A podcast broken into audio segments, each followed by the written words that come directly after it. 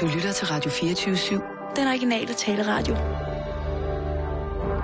Velkommen til den korte radioavis med Rasmus Bro og Kirsten Birgit Schøtz-Krets Hørsholm. Og så Rasmus, må jeg have lov til at spørge, hvem den her er, der er herinde ved siden af mig?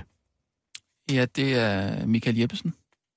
Hvad laver han her, hvorfor sidder han og fodrer en kanin? Jeg tror, at øh, de skal have noget mad.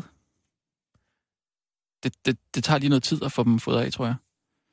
Michael, du skal passe på med at have kaninerne for tæt på Kirsten Birgit, for ja, nu kan jeg ikke bevise noget, men, men jeg er ret sikker på, at hun har slået min nevøers marsvin ihjel. Gider du godt lade være med Ja, undskyld, jeg siger det, men det var, den da, slags? det var da lidt... Den fik en hjerneblødning, mens den var i min varetægt, ja. Det gjorde den, Ja, men jeg har ikke gjort noget ved den. Prøv lige at se, hvor nu det er, den er. Nej, ellers tak. Puh. Det ligner en rotte. Ej. Det er, hvad jeg siger. hvad hedder den? Den her, den har ikke noget navn endnu. Må man lige af? Vi kan kalde den Kirsten Birgit. Det kan jeg godt sige. Ja. Det afstår jeg fra. Ja, det synes jeg, det kan vi godt. Og Carlson, nej, Er du en lille Kirsten Birgit? Hvad, lille Kirsten den skal Birgit, ikke hvad? have mit familienavn. Det kan jeg godt fortælle jer. Den er også sur i det. Er der, er, der så, er der ikke tre? Har du ikke et andet sted at befinde dig end inde i mit studie? Med fem kaniner? fire. Jeg mangler bare den her, og så en mere, så går jeg. Vi kører nu. Så må jeg jo sidde i den kaninstank her. Godt. Øh, vi går på. Klar, parat, skarp. Og nu, live fra Radio 24 Studio i København. Her er den korte radiovis med Kirsten Birgit Schøtzgrads Hasholm. Så sker der endelig noget i den indtil videre røvsyge valgkamp. Henrik Sass angriber Dansk Folkeparti. Erhvervs- og vækstminister Henrik Sass Larsen kaster den første velfortjente sten i den indtil videre retorisk røvsyge valgkamp. Den lander lige i panden på en bedøvende ligeglad Dansk Folkepartis kæmpe. Kritikken fra Sass Larsen går på DF's fantastiske økonomiske politik. Hvis de lige pludselig bliver Danmarks største borgerlige parti, så er det at føre Danmark direkte i den økonomiske afgrund, siger Sars Larsen til DR-nyhederne, og sigter til, øh, sigter til de mere eller mindre urealistiske økonomiske garantier, DF slynger om sig med. Garanti, blandt andet garantien om en forskel på 5.000 kroner i indtægt ved at tage et arbejde frem for at få kontanthjælp, der blev stillet i Apit og Skåb i en samtalebog. Det eneste, jeg gør, er at tage DF's politik alvorligt. Journalister forholder sig ikke reelt kritisk over for DF's økonomiske politik, som de for eksempel gør over for alle andre partier, siger Sass Larsen til p Morgen, og tilføjer til den korte radioavis. De kommer med det ene fantastiske forslag, der ikke kan finansieres efter det andet, og hvis det viser sig, at de, at de ikke kan garantere tiltaget, så forvandler de det bare til en vision, afslutter Sass Larsen. Men Peter Skåb og Dansk Folkeparti kan ikke genkende kritikken. Garantien på de 5.000 kroner på forskellen i indtægt øh, mellem øh, at tage et arbejde og kontanthjælp blev jo revurderet til en vision. Ser vi lignende garantier, er der også en plan, siger han til DR-nyhederne, Peter Skåb altså, og tilføjer til den korte radiovis. Jeg tror bare, at Henrik er misundelig over, at det går så godt. Folk er vilde med alle vores løfter, og så længe vi ikke, kan holde nogen, ikke skal holde nogen af dem, så kan det over det jo nok alligevel. Men jeg tror, at Henrik Sars Larsen måske undervurderer, hvor meget man egentlig kan skære i ulandsbistanden, afslutter Peter Skåb til den korte radiovis. Nationalpartiet giver op. Vi når ikke at blive opstillingsberettiget. Der var nedtrykt stemning i Vandpibeklubben Nationalpartiet i går. De måtte nemlig tage konsekvensen af, at øh, de også skulle igennem den langsomlige proces om at få deres øh, vælgererklæringer godkendt ligesom alle andre. Og nu har de givet op og går til valg som løsgængere. Det gør ikke den store forskel for eksdigteren Yahya Hassan, da det alligevel var ham, der ville få alle stemmerne. Men resten af flokken af mellemøstlige mænd er nedtrykte, særligt partiets formand Kashif Ahmad. Jeg vidste godt, at jeg, jeg ville løbe med alle stemmerne, men det var jo planen, at de kunne blive sat på en liste, sådan så jeg også kunne komme med. Men det kan jeg nok ikke. Det er også demokratiets skyld, siger Kashif Ahmad til den korte radiovis. Man skal have lidt over 20.000 personlige stemmer for at sikre sig en plads som løsgænger i Folketinget. Polakkerne stjæler med arme og ben. Nu kommer det nemlig frem, at det er polakkerne, der stjæler vores sommervejr, hvis man da altså kan tale om øh, værmæssig tyveri. Det er i hvert fald Polen, der kommer til at nyde godt af det gode sommervejr, som vi skulle have nydt godt af her i Danmark den kommende tid. I stedet ser det nu ud til, at de næste dage bryder på overskyet vejr og masser af regnskyld. I Polen kan man få op til 30 graders varme og fuld sol, mens man i Jylland må nøjes med 10 grader, skyer og regn. I Østdanmark kan man dog være heldig at få 15-20 grader og lidt sol, inden regn og torden skyller det hele væk. Så på den måde kan man jo godt sige, at det er polakkerne, der stjæler vores gode sommervejr, udtaler meteorolog Brian Dollars til den korte radioavis. Den korte radioavis har talt med en tilfældig dansker på gågaden i Holbæk, der er en af dem, der er rigtig skuffet over, at sommeren ser ud til at blive udskudt på ubestemt tid. Det er da brandærgerligt. Og også lidt uhyggeligt, hvis det virkelig er polakkerne, der har stjålet det gode vejr. Jeg synes altså også, at vi skulle se at få de grænsebommer op igen. For som det er nu, så strømmer det jo op med kriminelle bander fra Østeuropa og hvad det ellers hedder. Det er da uhyggeligt at tænke på, at vi nu ikke engang kan have vores vejr i fred. Og de regner jo heller ikke menneskeliv der for noget dernede. De slår jo ihjel for et guldur. Min søsters mand, han har, været be... han har en bekendt, der har kørt lastbil. Han har jo været dernede, og det er det samme, øh, han siger. Han siger, at han ikke tør sove på restepladserne dernede, hvis der skulle komme sådan en cigøjnerband, der røver ham. Det er da uhyggeligt, hvis de nu også kommer herop. Og hvad gør politikerne egentlig ved det? Nej, vel? De øh, synes, øh, det, jeg synes, det er uhyggeligt. Men øh, nu må vi da håbe, at det snart bliver sommer, så man kan få sig lidt varme. Jeg synes godt nok, det er uhyggeligt, som det trækker ud med den sommer, men øh, om det er polakkerne, der skyldes det, ja, det tør jeg ikke sige. Men der er jo nok noget om det, udtaler en tilfældig dansker på gågaden i Holbæk. Det var den korte radioavis med Kirsten Birgit Schøtzgrads Hørsholm.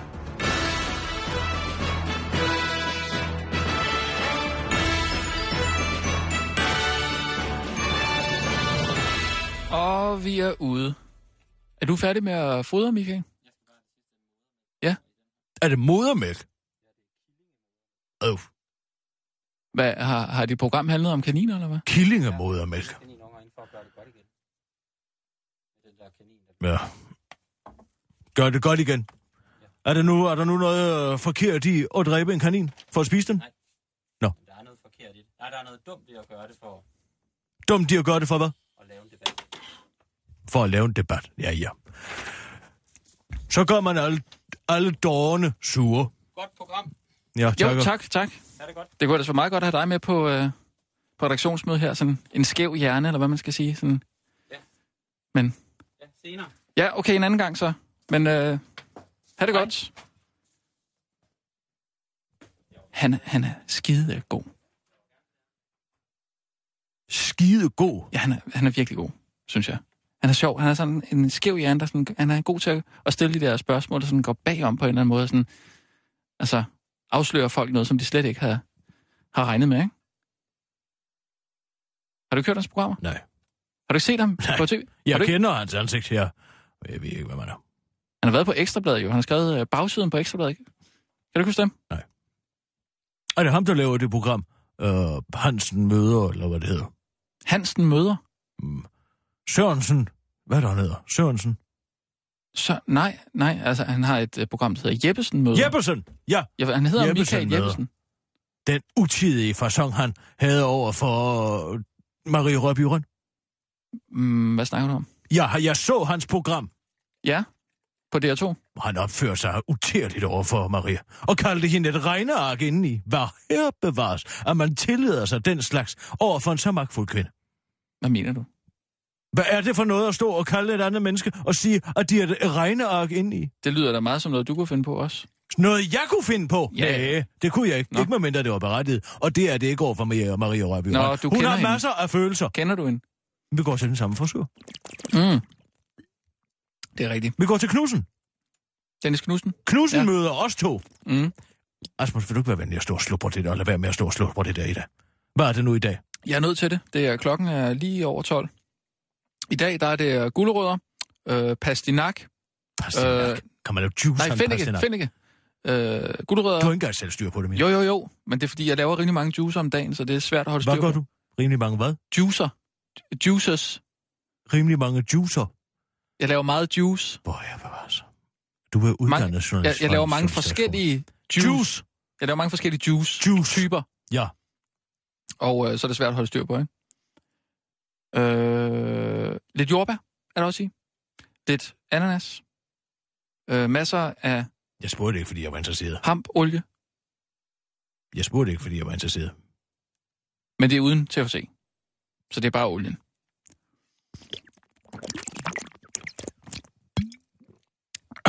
Hvad er der i vejen med en ganske almindelig appelsinjuice med frugtkød i? Øh, jamen, der er mange flere forskellige Det skal vitaminer. være så specielt at være ung i dag.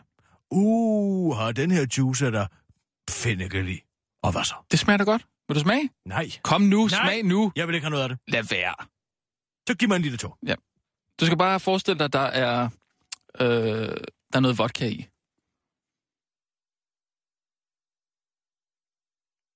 Hvad siger du? Puh! Nej! Nej, det du ikke, det smager godt? Nej, det gør jeg ikke. Jeg, kan, jeg, kan, jeg drikker den med aben ude på.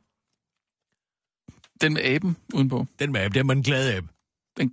Mm, den der øh, Flemming Jensen reklameret for. Ja, den glade Hvad er abe. det der for en? Uh, Rynkeby. Rynkeborg. Ja. Ja. Har du til gengæld set det her? Og jeg det er... Har du til gengæld set det her? Går den ud over din hørelse også, den juice? Nej, men, men hvad... hvad... Ja, det er valgkampen. Ja, jeg, jeg har, har- jeg har fulgt med i valgkampen. Kan jeg få lidt lyd på min computer herinde?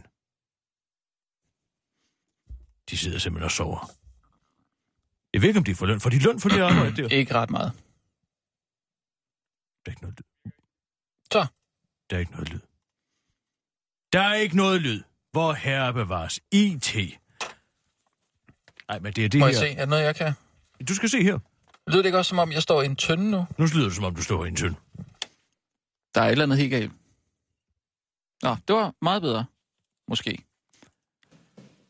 Du siger, at han jo det ikke, for ham ikke kunne betale sig at arbejde hos dig. Er det korrekt, han tjente cirka 22.400? Det er ham her ude for det her panorama her. Det er den historie. Morten Broager. Ja, Og det direktør. Så du det i Tivoli i går? Ja, jeg så det godt. det var vanvid. Det var det glade vanvid. Nej, nej, jeg, jeg, jeg, jeg forholder mig jo til, at manden han kommer og siger til mig, hvis jeg ikke kan få den her De to, på, de to journalister, de er blevet sendt derind, og de har verdens største stivert nede i buksen for at få ham til at tale. De forfølger ham som Ja. ja. to gribe. Jeg synes, han... Og der er ikke rigtig nogen af dem, der rigtig stiller sådan nogle og begavede spørgsmål. Til gengæld, så er de ved at falde over hinanden. Det er vanvid. Og så behandler man en mening over i verden det her. øh, fungerer. Se her nu. Jeg fortæller jo Lars, Først så, står de, først så står de fire minutter ude på Titengade og overfalder ham, og så skal han ind i God Aften Danmark. Ja. Guderne må vide, hvorfor han var derinde. Og øh, så jagter de ham igennem hele Tivoli. Ja. Indtil der er en, der styrter.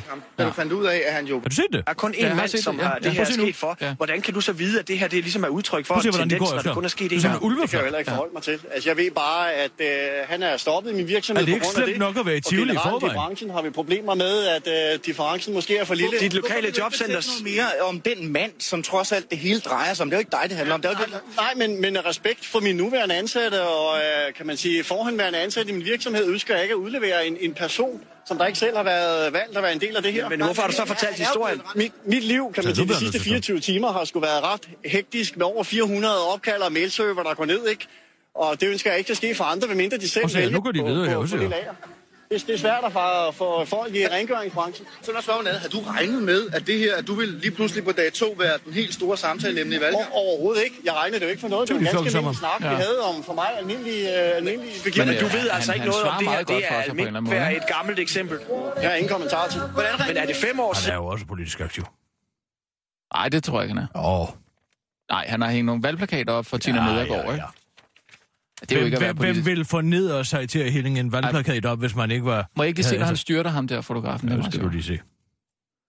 Eller er det et halvt år Skal du se. Hvordan har du det med? Om en øh, forhenværende ansat. Men Hvorfor springer du sådan i det, Kirsten? Fordi at du skal hen til det sted, hvor han falder. Der ryger han! Det var en, det var en general Se, betragtning. der snutter han over en bænk. øh, Hvad vi havde en, en du øh, igen? sag. Hvorfor, hvorfor springer du sådan i det? Kan du ikke tage det Kig roligt? nu efter! Vigtige ting, jeg har sagt. Men øh, hvorfor vil du så ikke fortælle mere? Nu styrter han. for jeg, ønsker, jeg ønsker ikke at udlevere oplysninger om en øh, forhenværende ansat. Men det har du jo allerede gjort.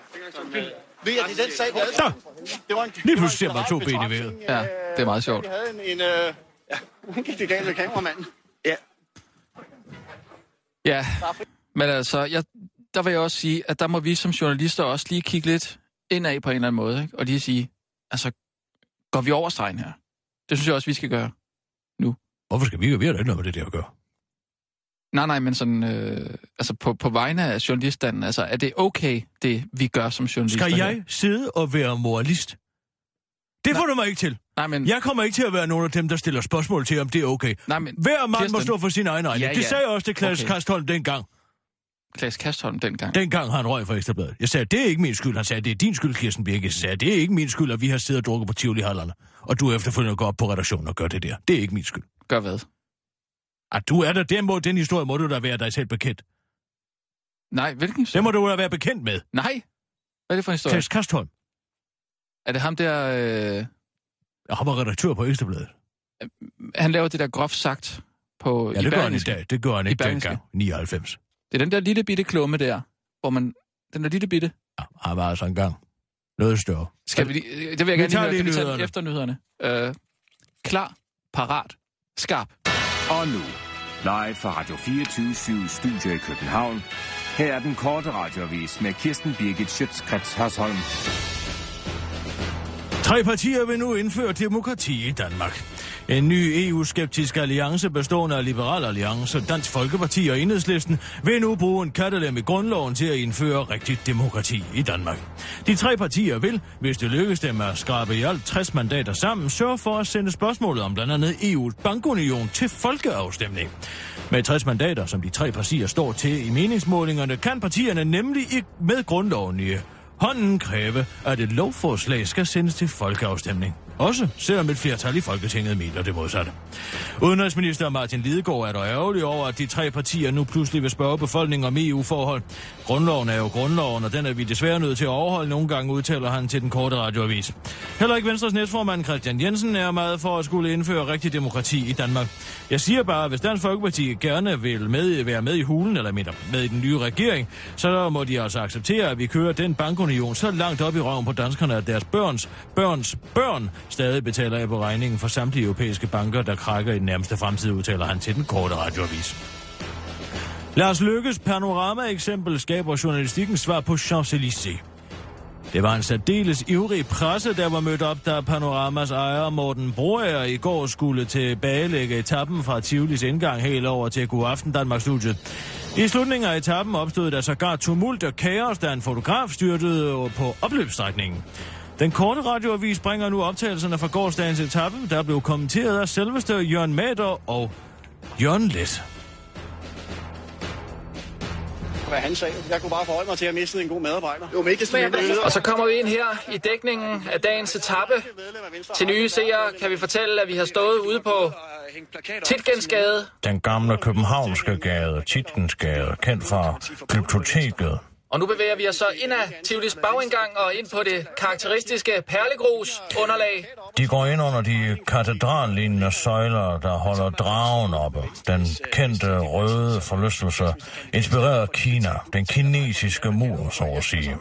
Og ingen tvivl om, at dagens hovedpersoner, det er, det er journalisten her til venstre i billedet, og TV2-journalisten yderst til højre, og så selvfølgelig hovedpersonen, manden bag virksomheden Panorama, Morten Broager. De bevæger sig i et stadigt tempo. Hen over perlegruset, det knitterne perlegrus. Jeg har selv været der flere gange i den gamle have. Og det er en helt særlig oplevelse at gå på perlegruset derinde. Overbevisning. Ene mand mod to gribe. Er de nægter han at svare på journalisternes spørgsmål. Han ligger sig i defensiven allerede fra start af. Det er den nul-kommentar-politik, vi kender fra så mange presseangreb på civile borgere. De bliver simpelthen perplekse. Og han klarer det godt. Skarpt spørgsmål her fra TV2-journalisten kommer ind. De rykker over på højre side af ham, måske for at komme væk fra den meget velkendte frityreduft, der er under underdragen. Det er de mange kinesiske franchise. Her en kvindelig journalist med en lille båndoptager i hånden stikker helt op i hovedet på Morten Broager. Det er sjældent, man ser en kvindelig journalist så tæt på, uh, så tæt på brandpunkterne. Men det er dejligt at se. Sådan var det ikke i gamle dage. Kan man sige, de sidste 24 Men Nu hun stopper spørger de op. ikke. Hun vil ikke spørge. Det er typisk mænd, der har angrebsmentaliteten i sådan en form for situation. Her kommer BNB ind fra højre siden af her. Det ser ud til at være et britisk medie, der er repræsenteret her i front. Det er et gammelt, stolt britisk medie. Jeg kender det selv fra flere Englandsrejser. Hvorfor så fortælle historien, Hvorfor så fortælle historien hvis du ikke vil... Her bevæger Morten Broager sig væk fra flokken. Nu går de Prøver at videre stikke langt af. den kinesiske mur. Skarpt spørgsmål. Han er ikke Går de interesseret. over i arkaden? Nej, de går til højre. Ellers, hvis man går til venstre der, vil man komme ind ad en gammel historisk vej, går forbi veteranbilerne, ind igennem arkaden, hvor man kan købe en soft ice eller en, eller en candy floss. Ganske almindelig snak, vi havde om for mig almindelig... Øh, Igen Morten Broager tilbage i defensiven i sit rolige, malende tempo. De går i et, som du siger, Jørgen, malende tempo. Mikrofonerne frem og tilbage mod ansigtet. Det må være forvirrende. Det er utroligt, han kan opretholde roen. år siden. Er det to år siden? Det ønsker jeg ikke at drøfte. Han har ingen kommentar. Han vil ikke svare her. Man mærker, hvordan de TV2. stille og roligt sætter tempoet op. Den ambiente lydprøve hører man i baggrunden. Det er forvirrende. Det er utroligt, at han kan blive ved med at have kræfter til det. Det er en stamina, som man ikke ser ud over i elitejournalistikken. Det er et journalisten afkræver svar. Nej, så er der styrt! Der er styrt! Ude på venstrefløjen, der styrter DR's kameramand, tror jeg det er. Han ryger over en bænk helt ude i siden. Jeg ved ikke, om det er en tilskuer, der er kommet i vejen. Men eller... han henter ham. Læg mærke til, hvordan journalisten henter ham. Det er altså en loyalitet, man kun ser i, i Danmarks største medievirksomhed. DR-journalister he- henter ham, og han kommer op igen. Han kommer op igen til feltet. Og spørger Morten Bror her. Han spørger ikke om noget nu. Han nikker. Det har rystet ham. Det har rystet ham, ja. Det ser ud til, at han, han kan ikke hænge på. Kameramanden kan ikke hænge på. Han ser er ud til at, at sidde fast nede bagved. Han, er. Opløbsstrækningen hen mod God Aften Danmarks studierne forbi, forbi Tivolis koncertsal. DR-journalisten får ikke spurgt igen. Og der forsvinder han ind. Og der forsvinder Morten Broer. Morten Broer, mine damer og herrer, bliver vinder af dagens etape. Han slipper nogenlunde godt fra de her journalisters meget skarpe kommentarer, men altså et styrt, der kommer til at have utrolig stor betydning for dagens etape. Her var det Jørgen Let og Jørgen Mader, der takker af, og på gensyn igen i morgen. Det var den korte radioavis med Kirsten Birgit Schøtzgrads Hørsholm.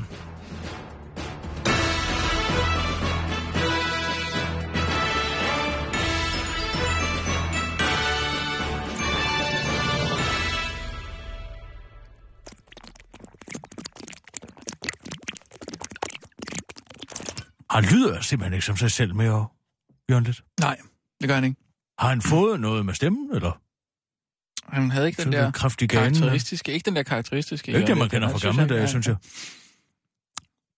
Nej. Mm. Jeg ved ikke, hvad der er med ham. Det kan være kraft i mundhulen. Jamen, det er også bare det der måske, når- at de er tilbage sammen, de to. Det har gjort et eller andet ved ham. De har måske et eller andet. Nogle kurver. Så hvad var det for noget med Klaas Kaston? Fortæl det den.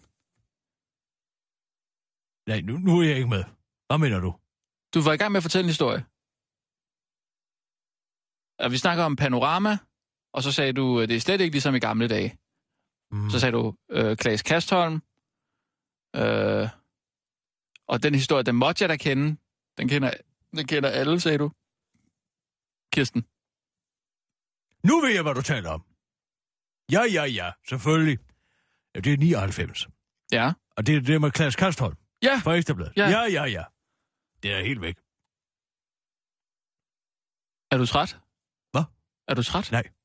Men, øh, nej, men man kan sige... Øh, nej, det er fordi, at jeg vil illustrere over, over for dig, og i gamle dage var lidt større armbevægelser, for, for man ligesom gik ud og beklagede ting. Mm, må jeg ja. sige. ja. Nej, der sker det, og... Nå, fordi TV2 har beklaget... Hør du efter, hvad jeg siger? Jamen, Det er det her med, at man går ud og moraliserer over for andre. Du skulle gøre dit, og du skulle gøre dat. Nå. Og det ene og det andet. Kastholm sagde, det er din skyld, det skete, Kirsten Birke. Jeg sagde, nej, det har jeg sagt til ham. Det, det, man, står, man står til ansvar for hinanden her. og hvad var din skyld? Ja, jeg ringer til, uh, til Klaas, fordi jeg sidder nede i Tivoli-handlerne sammen med uh, Juri Moskvitin. Og, Hvem er det? Juri Moskvitin, pianisten og Pianist? filosofen. Han er så russisk og, og renaissance-menneske. Er det en, man burde kende? Han er død nu. Jeg kender du ikke ham? Juri hvad? Juri Moskvitin. Moskvitten? Moskvitin! Hans mor var en adelig russer, eller du ved sådan noget. Det Nej, okay, nej. Nå, Nå, men han er meget, be, meget begavet. En rigtig... Øh, øh, han, var... Det jeg kalder mig konfurko. Han var en rigtig... Han, der var et brændende i ham. Nå, Nå, ja. men vi sidder nede på Tivoli-hallerne. Og, Hvorfor? Ja, for at få en frokost. Vi får en god frokost. Og øh, så ringer vi til Klaas. Om det er på Ekstraplads. Jeg kom, kom ned. Mm. Så jeg kan ikke komme ned. Jeg har leder, øh, jeg er ledervagt. Så skal lederen. Så siger jeg, kom nu ned i en time, Klaas. Lad være med at være sådan en togtriller. Mm. Og så, øh, jeg ender med, vi ender med, han kan høre, at Juri sidder i baggrunden og synger og, og, og, og fortæller røverhistorier. Mm. Og øh, så får jeg ham lukket derned. Så kommer han ned, og vi spiser en god frokost. Men skriver han lederen først, eller? Nej, det gør han ikke, og Nej. det, er- det er det, der er problemet. Nå. Så, øh, ja, øh, så får vi en for, jeg får en, jeg får en reje, tror jeg. En reje, måske Mm. en, sylte. Jeg holder sylte. Mm. Får en mad med sylte. Juri, spiser næsten ikke noget, men drikker en hel del. Mm. Og øh, Klaas går også ombord i det våde Og øh, på et tidspunkt, der, ja, så, så, så går alkoholen ud, og vi morer os rigtig godt. Vi Mm. morer os rigtig godt på Okay. det tidspunkt. Der, der er snak om at gå over på Rio Bravo, og så siger jeg, nej, der får jeg altså ikke mig til at sætte mine ben om. Jeg vil spise en parisebøf på en sadel. Nej tak, det vil jeg ikke. Mm. Og øh, vi bliver her. Jeg giver en flaske mere, siger jeg. Det gør jeg. Og så, så kommer der ro på gemytterne. Nå, vi bliver mere og mere beruset. Ja. Og det er rigtig hyggeligt. I bliver der bare i længere tid. Pludselig så går det jo op for dem op på Ekstrabladet. Hvor er Klaas hen? Skal han ikke skrive en eller? Mm. Så de begynder at sende folk ned. Efter Klaas. Og de ved godt, hvor han er. Ja, ja. Han sagde jo dengang, 99, sagde lige, at gå lige derned, lige det får en bid brød. De vidste godt, hvor han var. Og da de hørte, at Joey var der, så vidste de også godt, hvor klokken var slået. Men altså, så får vi jo altså lidt Mm. der, og så begynder de at sende folk ned. Og først så affærer han dem bare Klaas. siger, Jeg skal nok komme op og skrive, jeg skal, op og skrive. jeg skal nok komme op og skrive. den." Men det gør han jo ikke. Han bliver siddende, fordi så siger jeg, bliv nu, få lidt mere. Og Altså, du derfor, han- lokker ham. til- Ja, men jeg synes jo, det er hyggeligt, altså. Så må han jo passe sit arbejde, når han ikke hygger sig med mig. Og hvor, hvor med alting er, så til sidst, ja, så kommer øh, Morten V. Poulsen. Kommer mm, Mm, og der er Morten altså, V. Poulsen. det er ham, som finder på alle, øh, alle de gode, øh, alle de gode forsider. Ekstrabladet. Det er ham, der har fundet på, at Lars Løkke skulle være, rej- hedder rejsekongen og alt det her. Finder på. Han, finder, han, er, Nå. han, er, han er origini. Okay. Simpelthen. Ja. Ja. Men han bliver sendt ned på det tidspunkt. Ja. Ja. Det er jo 99 plus på det. Det Ja. lang tid siden. Og øh, han, får, han siger så til Klaas, nu kommer du altså med mig, mm. Fordi at du skal skrive den leder. Og så fyrer han ham simpelthen. Åh, så bryder vi ud af. Hvem fyrer hvem? Ja, Klaas fylder, fyrer, han er jo chefredaktør, han, øh, han fyrer simpelthen øh, Morten. Ham, der var så god. Ja, ja, han fyrer ham og siger, du, du fyrer kammerat. Åh, så griner vi. Og jo, han slår en latter op, og jeg kan heller ikke lade være med at grine. Det er lige før jeg tisser i bukserne, kan jeg Nå, godt det er da sige. ikke sjovt. Ja, det var da morsomt. Det er da ikke sjovt at Det var da en nogen. morsom situation, at der kommer sådan en herre ned for at hente Klaas, og så sidder han og møder tre berusede f- festfyrværkerier dernede, og så bliver han fyret. Det er da morsomt. Nå, men han blev Det har da ikke været særlig, særlig sjovt for ham. Nej, det har det givetvis ikke. Men det var sjovt for os. Ja, okay. Og øh, ja, nej, men det hele ender med, ved du, altså, sent om aftenen, Mm. jeg tror, vi har drukket. Ja, jeg tror, Klaas har i hvert fald fået 12 store fadøl og en flaske cognac. Så hva- altså, han får ikke skrevet den klumme der, eller hvad? Han går tilbage. Eller leder, er det jo. Han går tilbage. For at skrive den. Ja. Ja, der er meget beruset på det her tidspunkt. Klokken hvad? Og det har altid... Klaas føler altid på det tidspunkt, at, at der var blevet spændt snubletråde ud for ham. Ja. Altså, af medarbejderne og... Altså, så kunne de finde på at komme forbi Klaas og sige, skulle du ikke være til møde nu? Ja. Og så er det et eller andet møde over på Politikens Hus, som jo altså ekstrabladet, det jo Politikens Ja, fodbold. ja, ja. Som han slet ikke skulle være med til, og lige pludselig så kommer han bravende en skidefuld til et møde, han slet ikke skal være med til. Så er det jo sådan noget, de driller hinanden med, men han følte sig ikke velkommen på det tidspunkt. Og på det tidspunkt... Hvor- det var da heller ikke særlig pænt. Nej, det er ikke ret. Sådan er det jo journalistens virken. Så går man jo lidt og, og knupper alvoren op ad hinanden, ikke? Og så synes jeg ikke, det, så, så, over synes jeg ikke, det er her. Så synes jeg ikke, det er her. Nej, men det skal du nok klare. Nå, på det tidspunkt, så er han jo blevet beruset.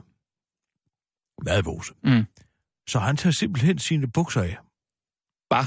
Hvorhen? og øh, går hen til en øh, sekretær Nå, derinde. og spørger, og nu er det citat.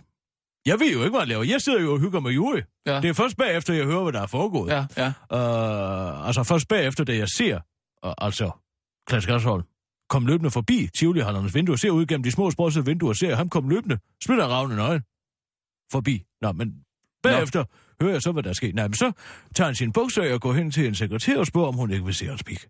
Og uh, Han, han går hen til en sekretær og spørger om... om hun ikke vil se hans pik. Nå. Men det vil hun ikke. Og det kan Ej, man jo godt forstå. Ja, det kan jeg også. Nå, men så går han ind på Gamle Madsens kontor. Og så laver han simpelthen ud over hele kontoret. Laver... Altså, han skider på... På han kontoret? skider ud over hele kontoret. Nej. Jo. Hvorfor? Fordi han er vred. Vred over Han føler hvad? sig såret. Ja, over den, øh, de snubletråde, som han Nå, føler, de har okay, lagt der, det, kommer til, det kommer til udtryk lige der. i den Ja, ja, så, brænder så der. der, kommer det, og så tager han bussen, der kommer en sekretær løbende ind til ham prøve at klæde ham ind i en plet, som de har fundet, fordi det er jo altså en underlig situation, det der Mm, foregår. mm. Der står en chef der tyr skide ud over en medarbejders kontor, uh, som en det, jeg tror, det er et kontor på det tidspunkt med Kenneth Sibir.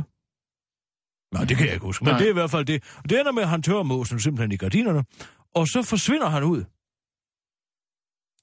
Altså på rådhuspladsen. i gardinerne Ja. inde på kontoret. Så sv- forsvinder han ud. Nej, nej, nej, nej. Og så, og så det er så der, jeg ser ham. Så siger jeg til Joey, var det Klaas, der kom løbende forbi det vindue? Så siger det ved jeg sgu ikke. Han var også skide fuld. Så siger jeg, "Ej, jeg går sgu lige ud og kigger. Så går jeg ud og fanger ham lige inden han løber om hjørnet ned ad Vestergade. Ja. Så kan jeg se, at det er ham. Så tænker jeg, gud fader, hvad var hvad der skete med den leder? Og så læser jeg jo det hele dagen efter. Ikke? Jamen, fik han skrevet lederen så? Nej, det gør han da ikke. det er jo helt vanvittigt. Men der kan du altså se, hvor meget, eller hvor meget, ja, men der kan du se, hvor meget det skal til, før en mand, han går jo ud af det gode selskab. Der skal du altså ind der. Så skal du gå ind på Jørgen Ramsgaards kontor og skide på hans øh, skrivebord og tørre, og tørre mosen i hans... Øh, i hans... Ja, hvad har han? Har han en han, er, jeg tror ikke, han har gardiner. Tror jeg ikke. Det er måske derfor, at der ikke er gardiner mere sådan på, Nej, det ved jeg på ikke. om. nødsreaktionerne. Men, men, Men, det der, der, var jo lidt plads til lidt, der var jo plads til lidt større armbevægelser dengang. Det var der altså. men altså, så fik han bare job på Berlingske, eller hvad? Ja, nu var på Berlingske, det var godt sagt. Ikke? Ja. Men Men han, jeg- sagde, han sagde bagefter der, altså, så sagde han, jeg har, jeg har, ja, det var en alkoholforgiftning, sagde han. Ja. Og han var helt ude af sig selv. Og øh, han gav også mig skylden for det. Så det kan du godt stoppe. Man styrer selv sin alkohol. Jamen, det var Hvis dig, man der ikke- lokkede ham til at blive der Ja, jo. hvis man ikke selv kan styre sin brænder. Jeg kan Ja. altid, jeg har altid kunne styre min brænder. Ja. Selv da jeg fyrede øh, Shinchin. Det viser jo at være en glimrende idé. Jeg har et forsyn, ja. når jeg er beruset. Må, Så selvom det kan virke tåbeligt, at, at, jeg, at, at jeg hopper over hegnet Mm. ind til zoologisk have klokken halv fire om natten, så kommer der altid noget godt ud af det. mm. Gør du det? Kun en enkelt gang. Er det det? Øh, Jamen, jamen nu skal jeg høre... Øh, altså, dig og Yui sidder nede i, i Tivoli-kælderen, siger du. Tivoli har der. Det er Tivoli. Tivoli. Han. Ja, så, så sidder I dernede. I sidder og, og har drukket godt. I er godt fulde. Ja, vi har drukket på det tidspunkt. Ja, vi er jo 4-5 store fadøl og en halv flaske cognac. Så ringer I så til Klaas Kastholm, ja, som så, så, siger jeg, som ved, så I, hvem, kommer ned. Ved I, hvem der kunne være hyggelig, var her, Klaas, Ja. siger jeg til Så Johan. ringer I så til ham, og han kommer så derned. Jeg, kan, jeg, hvor lang tid er der gået fra, fra I startede til han er kommet derned? Et par timer. Og så, og så tager han så over på Ekstrabladet, Jamen, så sidder han jo dernede og så... og drikker sig godt ned, som man siger på godt gammeldags dansk. Ja tak, det forstår jeg. Og så kan men det gør I jo også. blevet... Ja, ja, men jeg skal jo ikke lave noget. Men, Jeg har jo været Nej, nej. tv den dag. men når du ser, altså, på det tidsrum, han har siddet dernede og drukket med jer, der er han blevet så fuld, at han går ind og skider hele Jamen, kontoret til. om øh, 7-8 timer. Hvor altså den, den ene medarbejder efter den anden fra Ekstrabladet kommer som tordenskjold soldater ned og siger, nu skal du altså komme hjem. Men du siger så også, at I bliver siddende dernede Ja, ja. og spiser og drikker. Ja, ja, Du må da have været vanvittig fuld. det var hvis- det også. Men det Hvordan kan du står overhovedet stå knivskarpt på i min benene? hukommelse.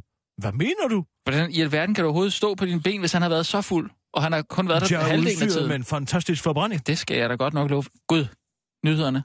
For s- Vi har fuldstændig glemt nyhederne. Nå, men det var en god historie. Er du klar? Klar? Jeg er klar. Parat? Skarp? Og nu, live fra Radio 24 Studio i København. Her er den korte radiovis med Kirsten Birgit Schøtzgrads Hasholm. Alekor Hammeren vil føre den stolte grønlandske tradition videre i Folketinget. Det kommer som noget af en overraskelse, at den skandaleramte grønlandske snidronning Aliko Hammeren stiller op for partiet Shomut til folketingsvalget om tre uger. Aliko Hammeren blev valgt som landstyrformand i 2013, men måtte gå af i september 2014, fordi det kom frem, og hun havde snuppet over 100.000 kroner af kassen og brugt dem på en privat konfirmationsfest.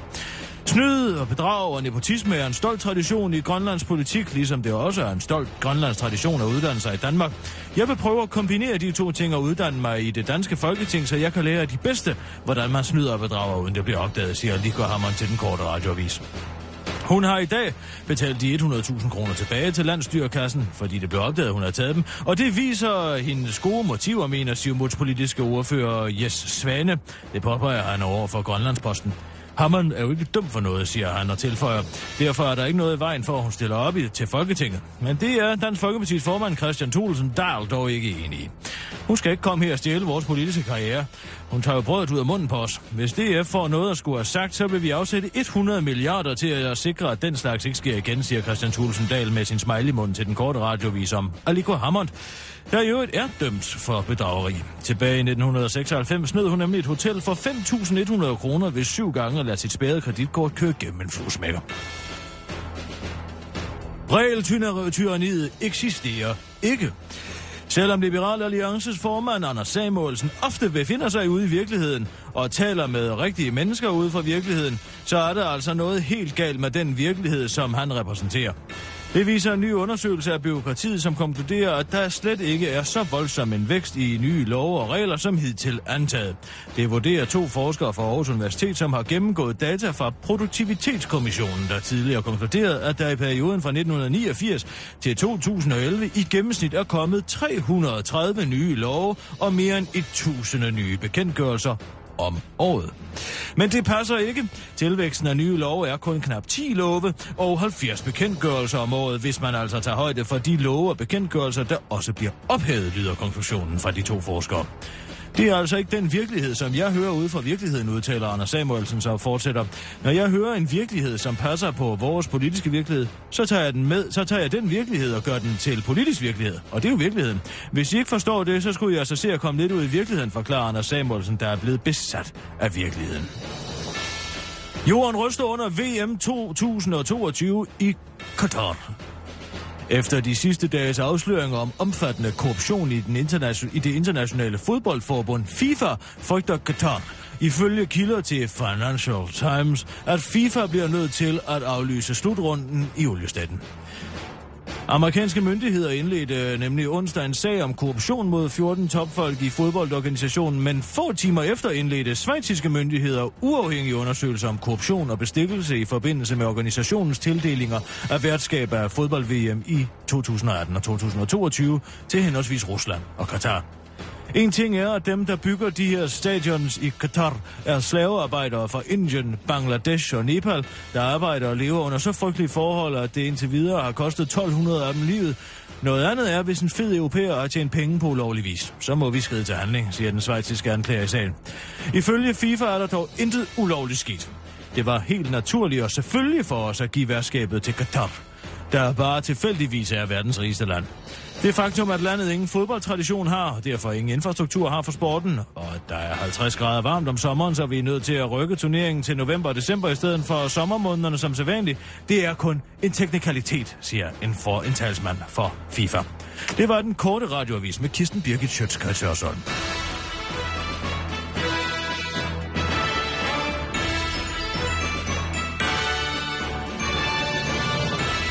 Og ja tak, Kirsten. Så er vi ude. Det var godt nok en vild historie, synes jeg. Ja, den slags historie hører man næsten ikke mere. Nu er det altså sådan noget med Jakob Korn, der kom til at klokke ind med nogle exit polls, og hvad har vi alt. Man har ikke skidt inde på Maria Røns kontor. Det havde jo Ej, været det noget. jeg ikke. Ja. Det havde været en god historie, ikke? Tænk, hvis man kunne fortælle sådan nogen.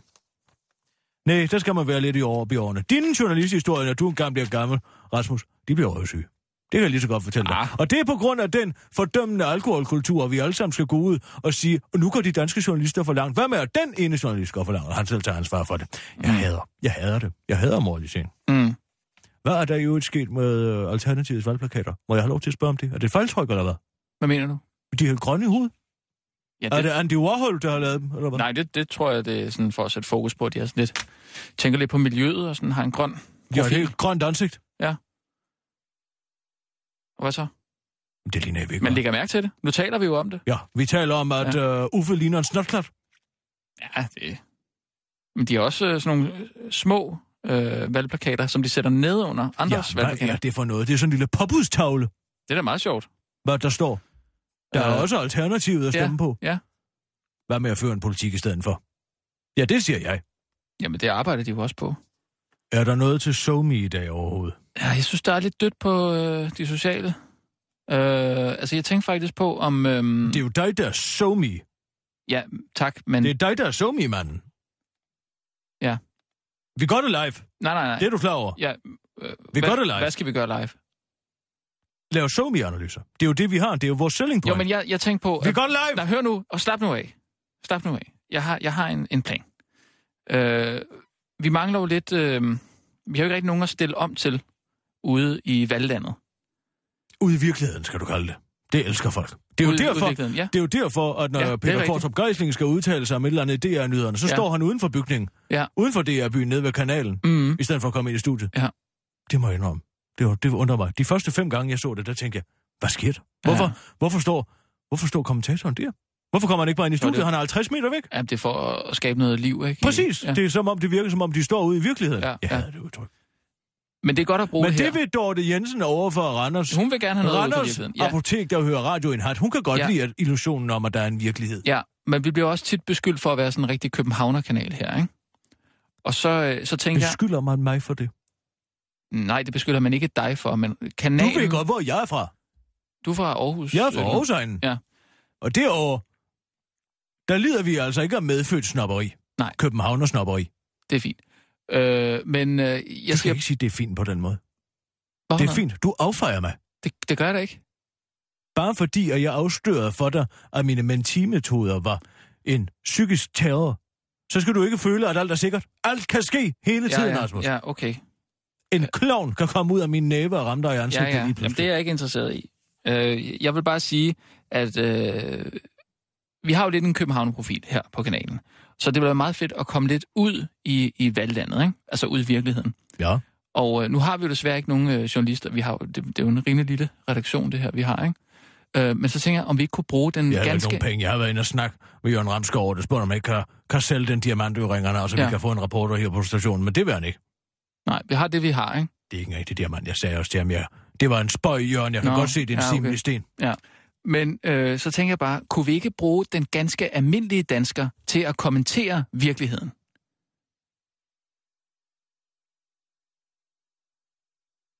Jo, det kan du vel godt. Altså, fordi så, så bliver det jo også øh, fortalt igennem en ganske almindelig dansker. Du kan godt live. Ja, altså så vil jeg så, så vil jeg, fordi jeg ved, at Helle Thorning, hun er i Aarhus lige nu, ikke? Ja. Og øh, deler blomster ud på. Del blomster ude på Store Torv. Ja, lige præcis. Den fine plads skal besudles af sådan noget blomsterbinderi. Men så tænker jeg bare, så kunne man jo ringe til nogen, der er i området der, og få dem til at komme med sådan I en... området der. Altså nede ja, i Aarhus øh, Midtby. øh, Ja, ja, Ja. Store Torv, eller hvad kalder du det? Du har aldrig været i Aarhus, har du det? Du har ikke kunnet snakke om Store Torv. jeg har da været ved... Domkirken i Aarhus. Ja, jeg har været ved, ved åen der, ikke? På café. Jeg har siddet og spist en cafébøger, vel sagtens. Med curly fries. Uh, Jeg var ikke man huske- jeg kan kulturel. Jeg kan ikke huske, hvad jeg fik. Men er det nede ved kirken, eller hvad hun står? Domkirken! Domkirken. Ja, det er nede ved Domkirken, hun står. Au. Ja. Hvad med at rejse lidt ud af København? Her sidder du og beskylder mig for københavneri, og du har aldrig sat fod vest for Valby Bakke.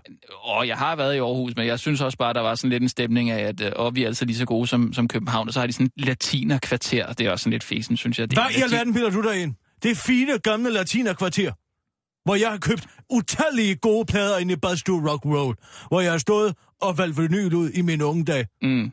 Hvad er der i vejen Jamen, med den by? Jamen, det er der ikke noget, der er ikke noget vej med. Det fine brolagte torve. Overhovedet Domkirken. ikke det mindste. Det er grandiøst. Ja. Rygeskade. Banegården. Ja. St. Pauls Kirke. Ja. Men så tænker jeg bare, øh, Sissel, kan vi ikke ringe til nogen, øh, i, der er i øh, nede omkring Domkirken? Mm, det går ikke så godt, eller hvad? Du kan ikke få fat i nogen? Vi gør det live. Altså, det er ikke rigtigt, man ikke kan få fat i nogen i Aarhus. Vi gør det live. Gør hvad live? Vi laver SoMe live, som vi plejer. Det er det, der er godt. Men hvordan kommer vi så igennem til Aarhus? Jamen, hvis der ikke er nogen, der tager telefonen, Rasmus. Så, Så er er der nogen, der svært. tager telefonen. Men så ring live. Så må vi ringe live. Så gør vi det live. Så ring til... Hvad, hvad er der af butikker dernede omkring, hvis du er så kendt i, i Aarhus? Ja, nu har det jo efterhånden et stykke tid siden, jeg har været der. Men der ligger en... Der ligger en børnetøjsforretning. Der ligger en... Øh...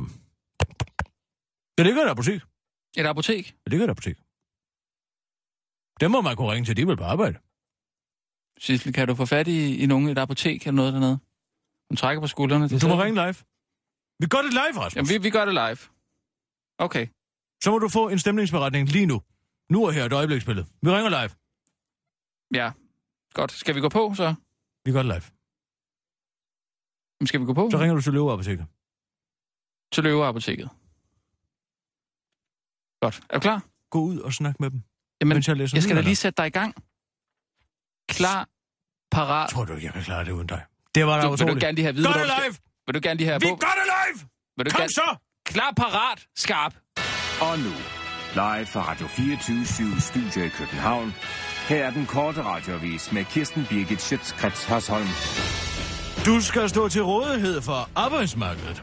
De radikale vil inden 2025 have 3 millioner danskere i arbejde. Det er meldingen, der i dag kommer fra Morten Østergaard, der gør det klart, at de radikale ønsker at stramme dagpengesystemet mere, end Socialdemokraterne har meldt ud. Eller Thorning Schmidt har ellers tidligere nøjes med at konstatere, at hun ønsker en dagpengereform, hvor færre falder ud af systemet, og hvor reglerne for genoptjeningen nytænkes. Spørgsmålet er nu, hvilken politik der skal føres, hvis regeringen fortsætter efter valget. Det har statsminister Helle thorning Schmidt dog en klar holdning til. Vi har ikke reformer, der skal øge arbejdsudbuddet på beding på nuværende tidspunkt, udtalte hun til Jyllandsposten. Og det er ifølge politisk kommentator Ask Rostrup en rimelig klar indikation for, hvor debatten om en dagpengereform ender efter valget. Det kunne godt lugte lidt af, at et løftebrud fra Socialdemokraternes side, det kunne godt lugte lidt af et løftebrud fra Socialdemokraternes side med den undskyldning, at de desværre ikke kunne få flertal for deres politik, og derfor bliver nødt til at føre en blå en, ligesom sidst, forklarer Ask Rostrup til den korte radiovis. Finansminister Bjarne Korydon ønsker dog heller ikke at imødekomme de radikale forslag om en stramning af dagpengereglerne, men udtalte til Berlingske, vi ser, hvad dagpengekommissionen kommer med, men de problemer, øh, som vi skal have løst i den forbindelse, handler om, at folk falder ud af dagpengesystemet og ikke har den nødvendige tryghed. Og derfor tror jeg, at stadig flere partier er ved at, og det tror jeg, at stadig flere partier er ved at nå en erkendelse af. Og det er ifølge politisk kommentator Asger en rimelig klar indikation for, hvor debatten om en dagpengereform ender efter et valg. Det kunne jo godt lugte lidt af øh, at løftebrud fra Socialdemokraternes side med den undskyldning, at de desværre ikke kunne få flertal for deres øh, politik, og derfor bliver nødt til at føre en blå en, ligesom sidst, forklarer Ask til den korte radioavis. Iben Tranholm advarer, yoga åbner for op for dæmonbesættelse. I en tid, hvor de fleste bekymrer sig om sekulære, værtslige, politiske spørgsmål, retter katolikken, journalisten, debattøren og milfen Iben Tranholf skarp kritik mod en af tidens helt store dealer, mindfulness og yoga. Når kroppen laver øvelser, som tager sigte på at åbne sig for hinduistiske flerguderi, ja, så retter sjælen sig også imod dem. Den åndelige virkelighed følger med, advarer Eben Tranholm i et debatindlæg på internetdebatsiden udfordringen.dk. Eben Tranholm gør også opmærksom på, at yoga og mindfulness nærmest er blevet statssanktioneret, og at man ser det på skemaet i børnehaver og som appendix til kristne gudstjenester. Eben Tranholm siger yderligere, at ideen om, at kristendom som noget udelukkende intellektuelt er noget pjat. Det er først og fremmest noget vås, at kristendom er uden krop. Kristendom er tværtimod den mest kropslige af alle på grund af inkarnationen. Ordet bliver kød. Menneskekroppen betragtes som Helligåndens tempel, og kødet genopstår, skriver Eben. Øh, Tranholm og henviser til den katolske idé om transubstantiation, hvor brødet indtages som del af nadvåren, hvor efter der ringes med en klokke, og brødet bogstaveligt transformeres til Jesus kød i mausen på menigheden. Og yoga er ikke kun noget, Iben Tranholm selv er bekymret for. Desuden advarer chef-eksorcist i Rom, Gabriele Armort, og tidligere generalvikar Lars øh, Messersmith kraftigt mod yoga. Begge har i deres praksis været vidne til, hvordan yoga kan føre til problemer med dæmonbesættelse, afslutter Eben Tranholm sin, øh, sit indlæg. Mange kan måske blive bange for, at Iben Tranholm nu efter tryggeligt har tabt småkærerne, men det har hun ifølge flere russiske ortodoxe katolikker ikke. Hun har jo ret, ligesom hun også havde ret dengang hun gjorde opmærksom på, at Harry Potter var en dæmon, og ikke bare en fiktiv fantasy-karakter i en populær bog, siger biskop i den russiske ortodoxe kirke, Yuri Gagarin. Det var den korte radioavis med Kirsten Birgit Sjøtskrets Hørsholm. Blev hængende lige om lidt, så går vi direkte i valgflæsket.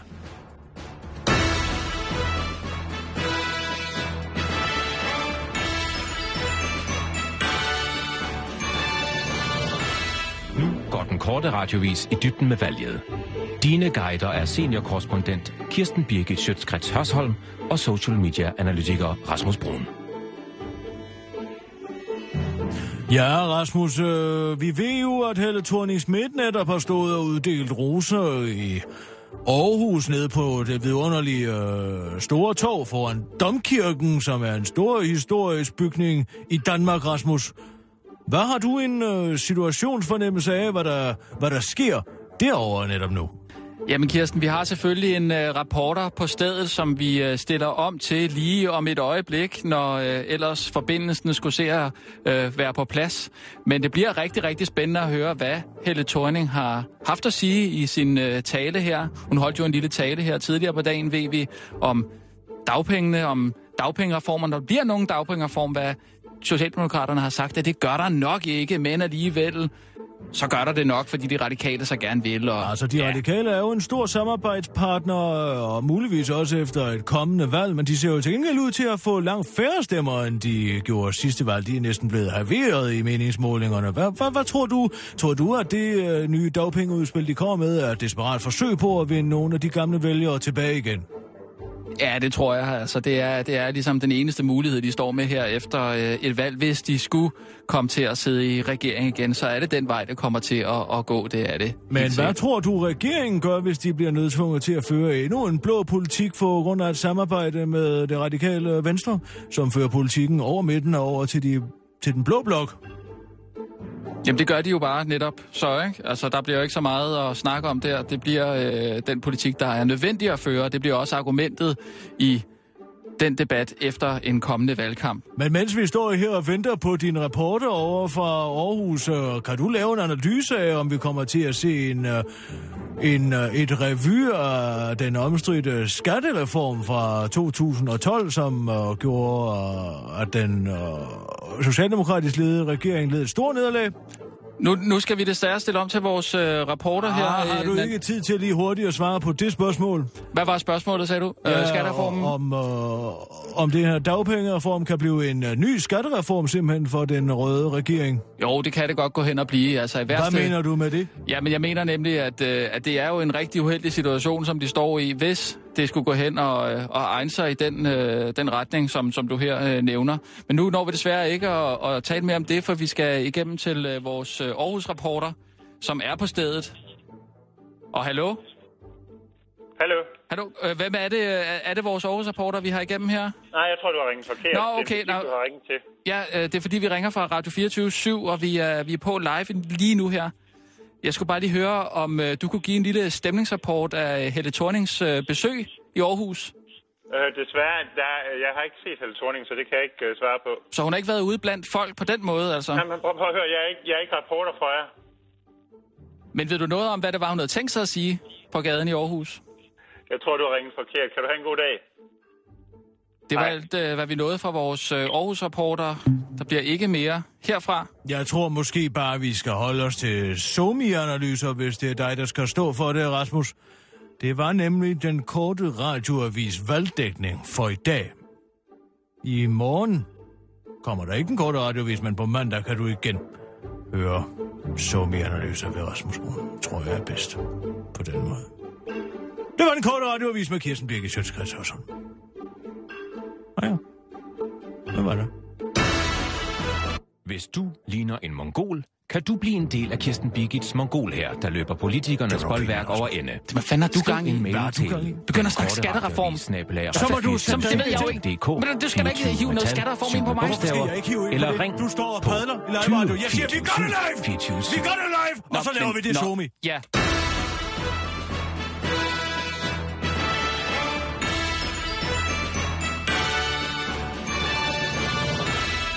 Når hele ideen er... vilkårlig mand og beder ham om at give dig en stemningsrapport. Ideen var sgu da god nok. En almindelig dansker fortæller, men det er jo ikke min skyld, at teknikken derude ikke du kan komme... Du skal ikke dem skyld. Det kan jeg godt sige dig. Jamen, jeg tager sgu heller ikke skylden her. meget i timen derude. Ideen er sgu da god nok. Men det er ikke deres skyld. Hvor... Det er da i hvert fald heller ikke min skyld. Hvis der er, hvis der, der er nogen, der skal have skyld her, så er det dig. Påtag dig ansvaret for, for dine beslutninger. Du begynder at tale skattereform med mig på et tidspunkt, hvor du overhovedet ikke har nogen sammenhæng. Det har da en sammenhæng. Hvis du lige havde givet det mig... Det har da præcis en sammenhæng. Det har det da ikke. Det har en præcis korrelation til, hvad der skete efter sidste valg. Med de radikale venstre Det skal vi da ikke snakke om. Vi skal snakke om, hvordan stemningen er i Aarhus, og hvad der sker, og hvad Helle Thorning sagde. Men du har jo ikke nogen, der kan fortælle dig, hvordan stemningen er i Aarhus. Den er sikkert god, fordi det er en hyggelig by. Men så må vi jo snakke om noget andet. Så skal du ikke begynde at snakke skattereform med mig.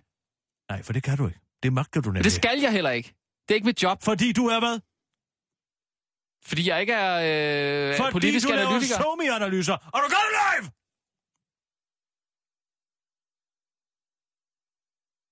Jeg har jo øvrigt gennemhørt den her Christian Jensen-rap. Ja. Det er som om, der gemmer sig noget på det bånd. Der gemmer sig noget? Jeg tog mine høretelefoner på. Jeg købte nogle nye Sonos højtalere derhjemme til. De er fremragende. Og jeg har også fået nogle høretelefoner, tog jeg på. Så skruede jeg helt op. Det er simpelthen, ja. Ja. der gemmer sig noget ned på båndet. Gemmer sig noget på båndet? Der gemmer sig noget på båndet, som ikke har hørt det gennem Hvad? med den første Altså? gennem. Jamen sådan noget... Sådan lidt meget svært. Men skru helt op. Er det satan, eller? Jeg ved ikke, om man spiller det baggrunden. Det er en besværgelse. Jeg har fået en af lydtekniker. Jeg kan noget for det her til at rense det. Må jeg høre? Jeg har ikke tid til det nu. Så på mandag.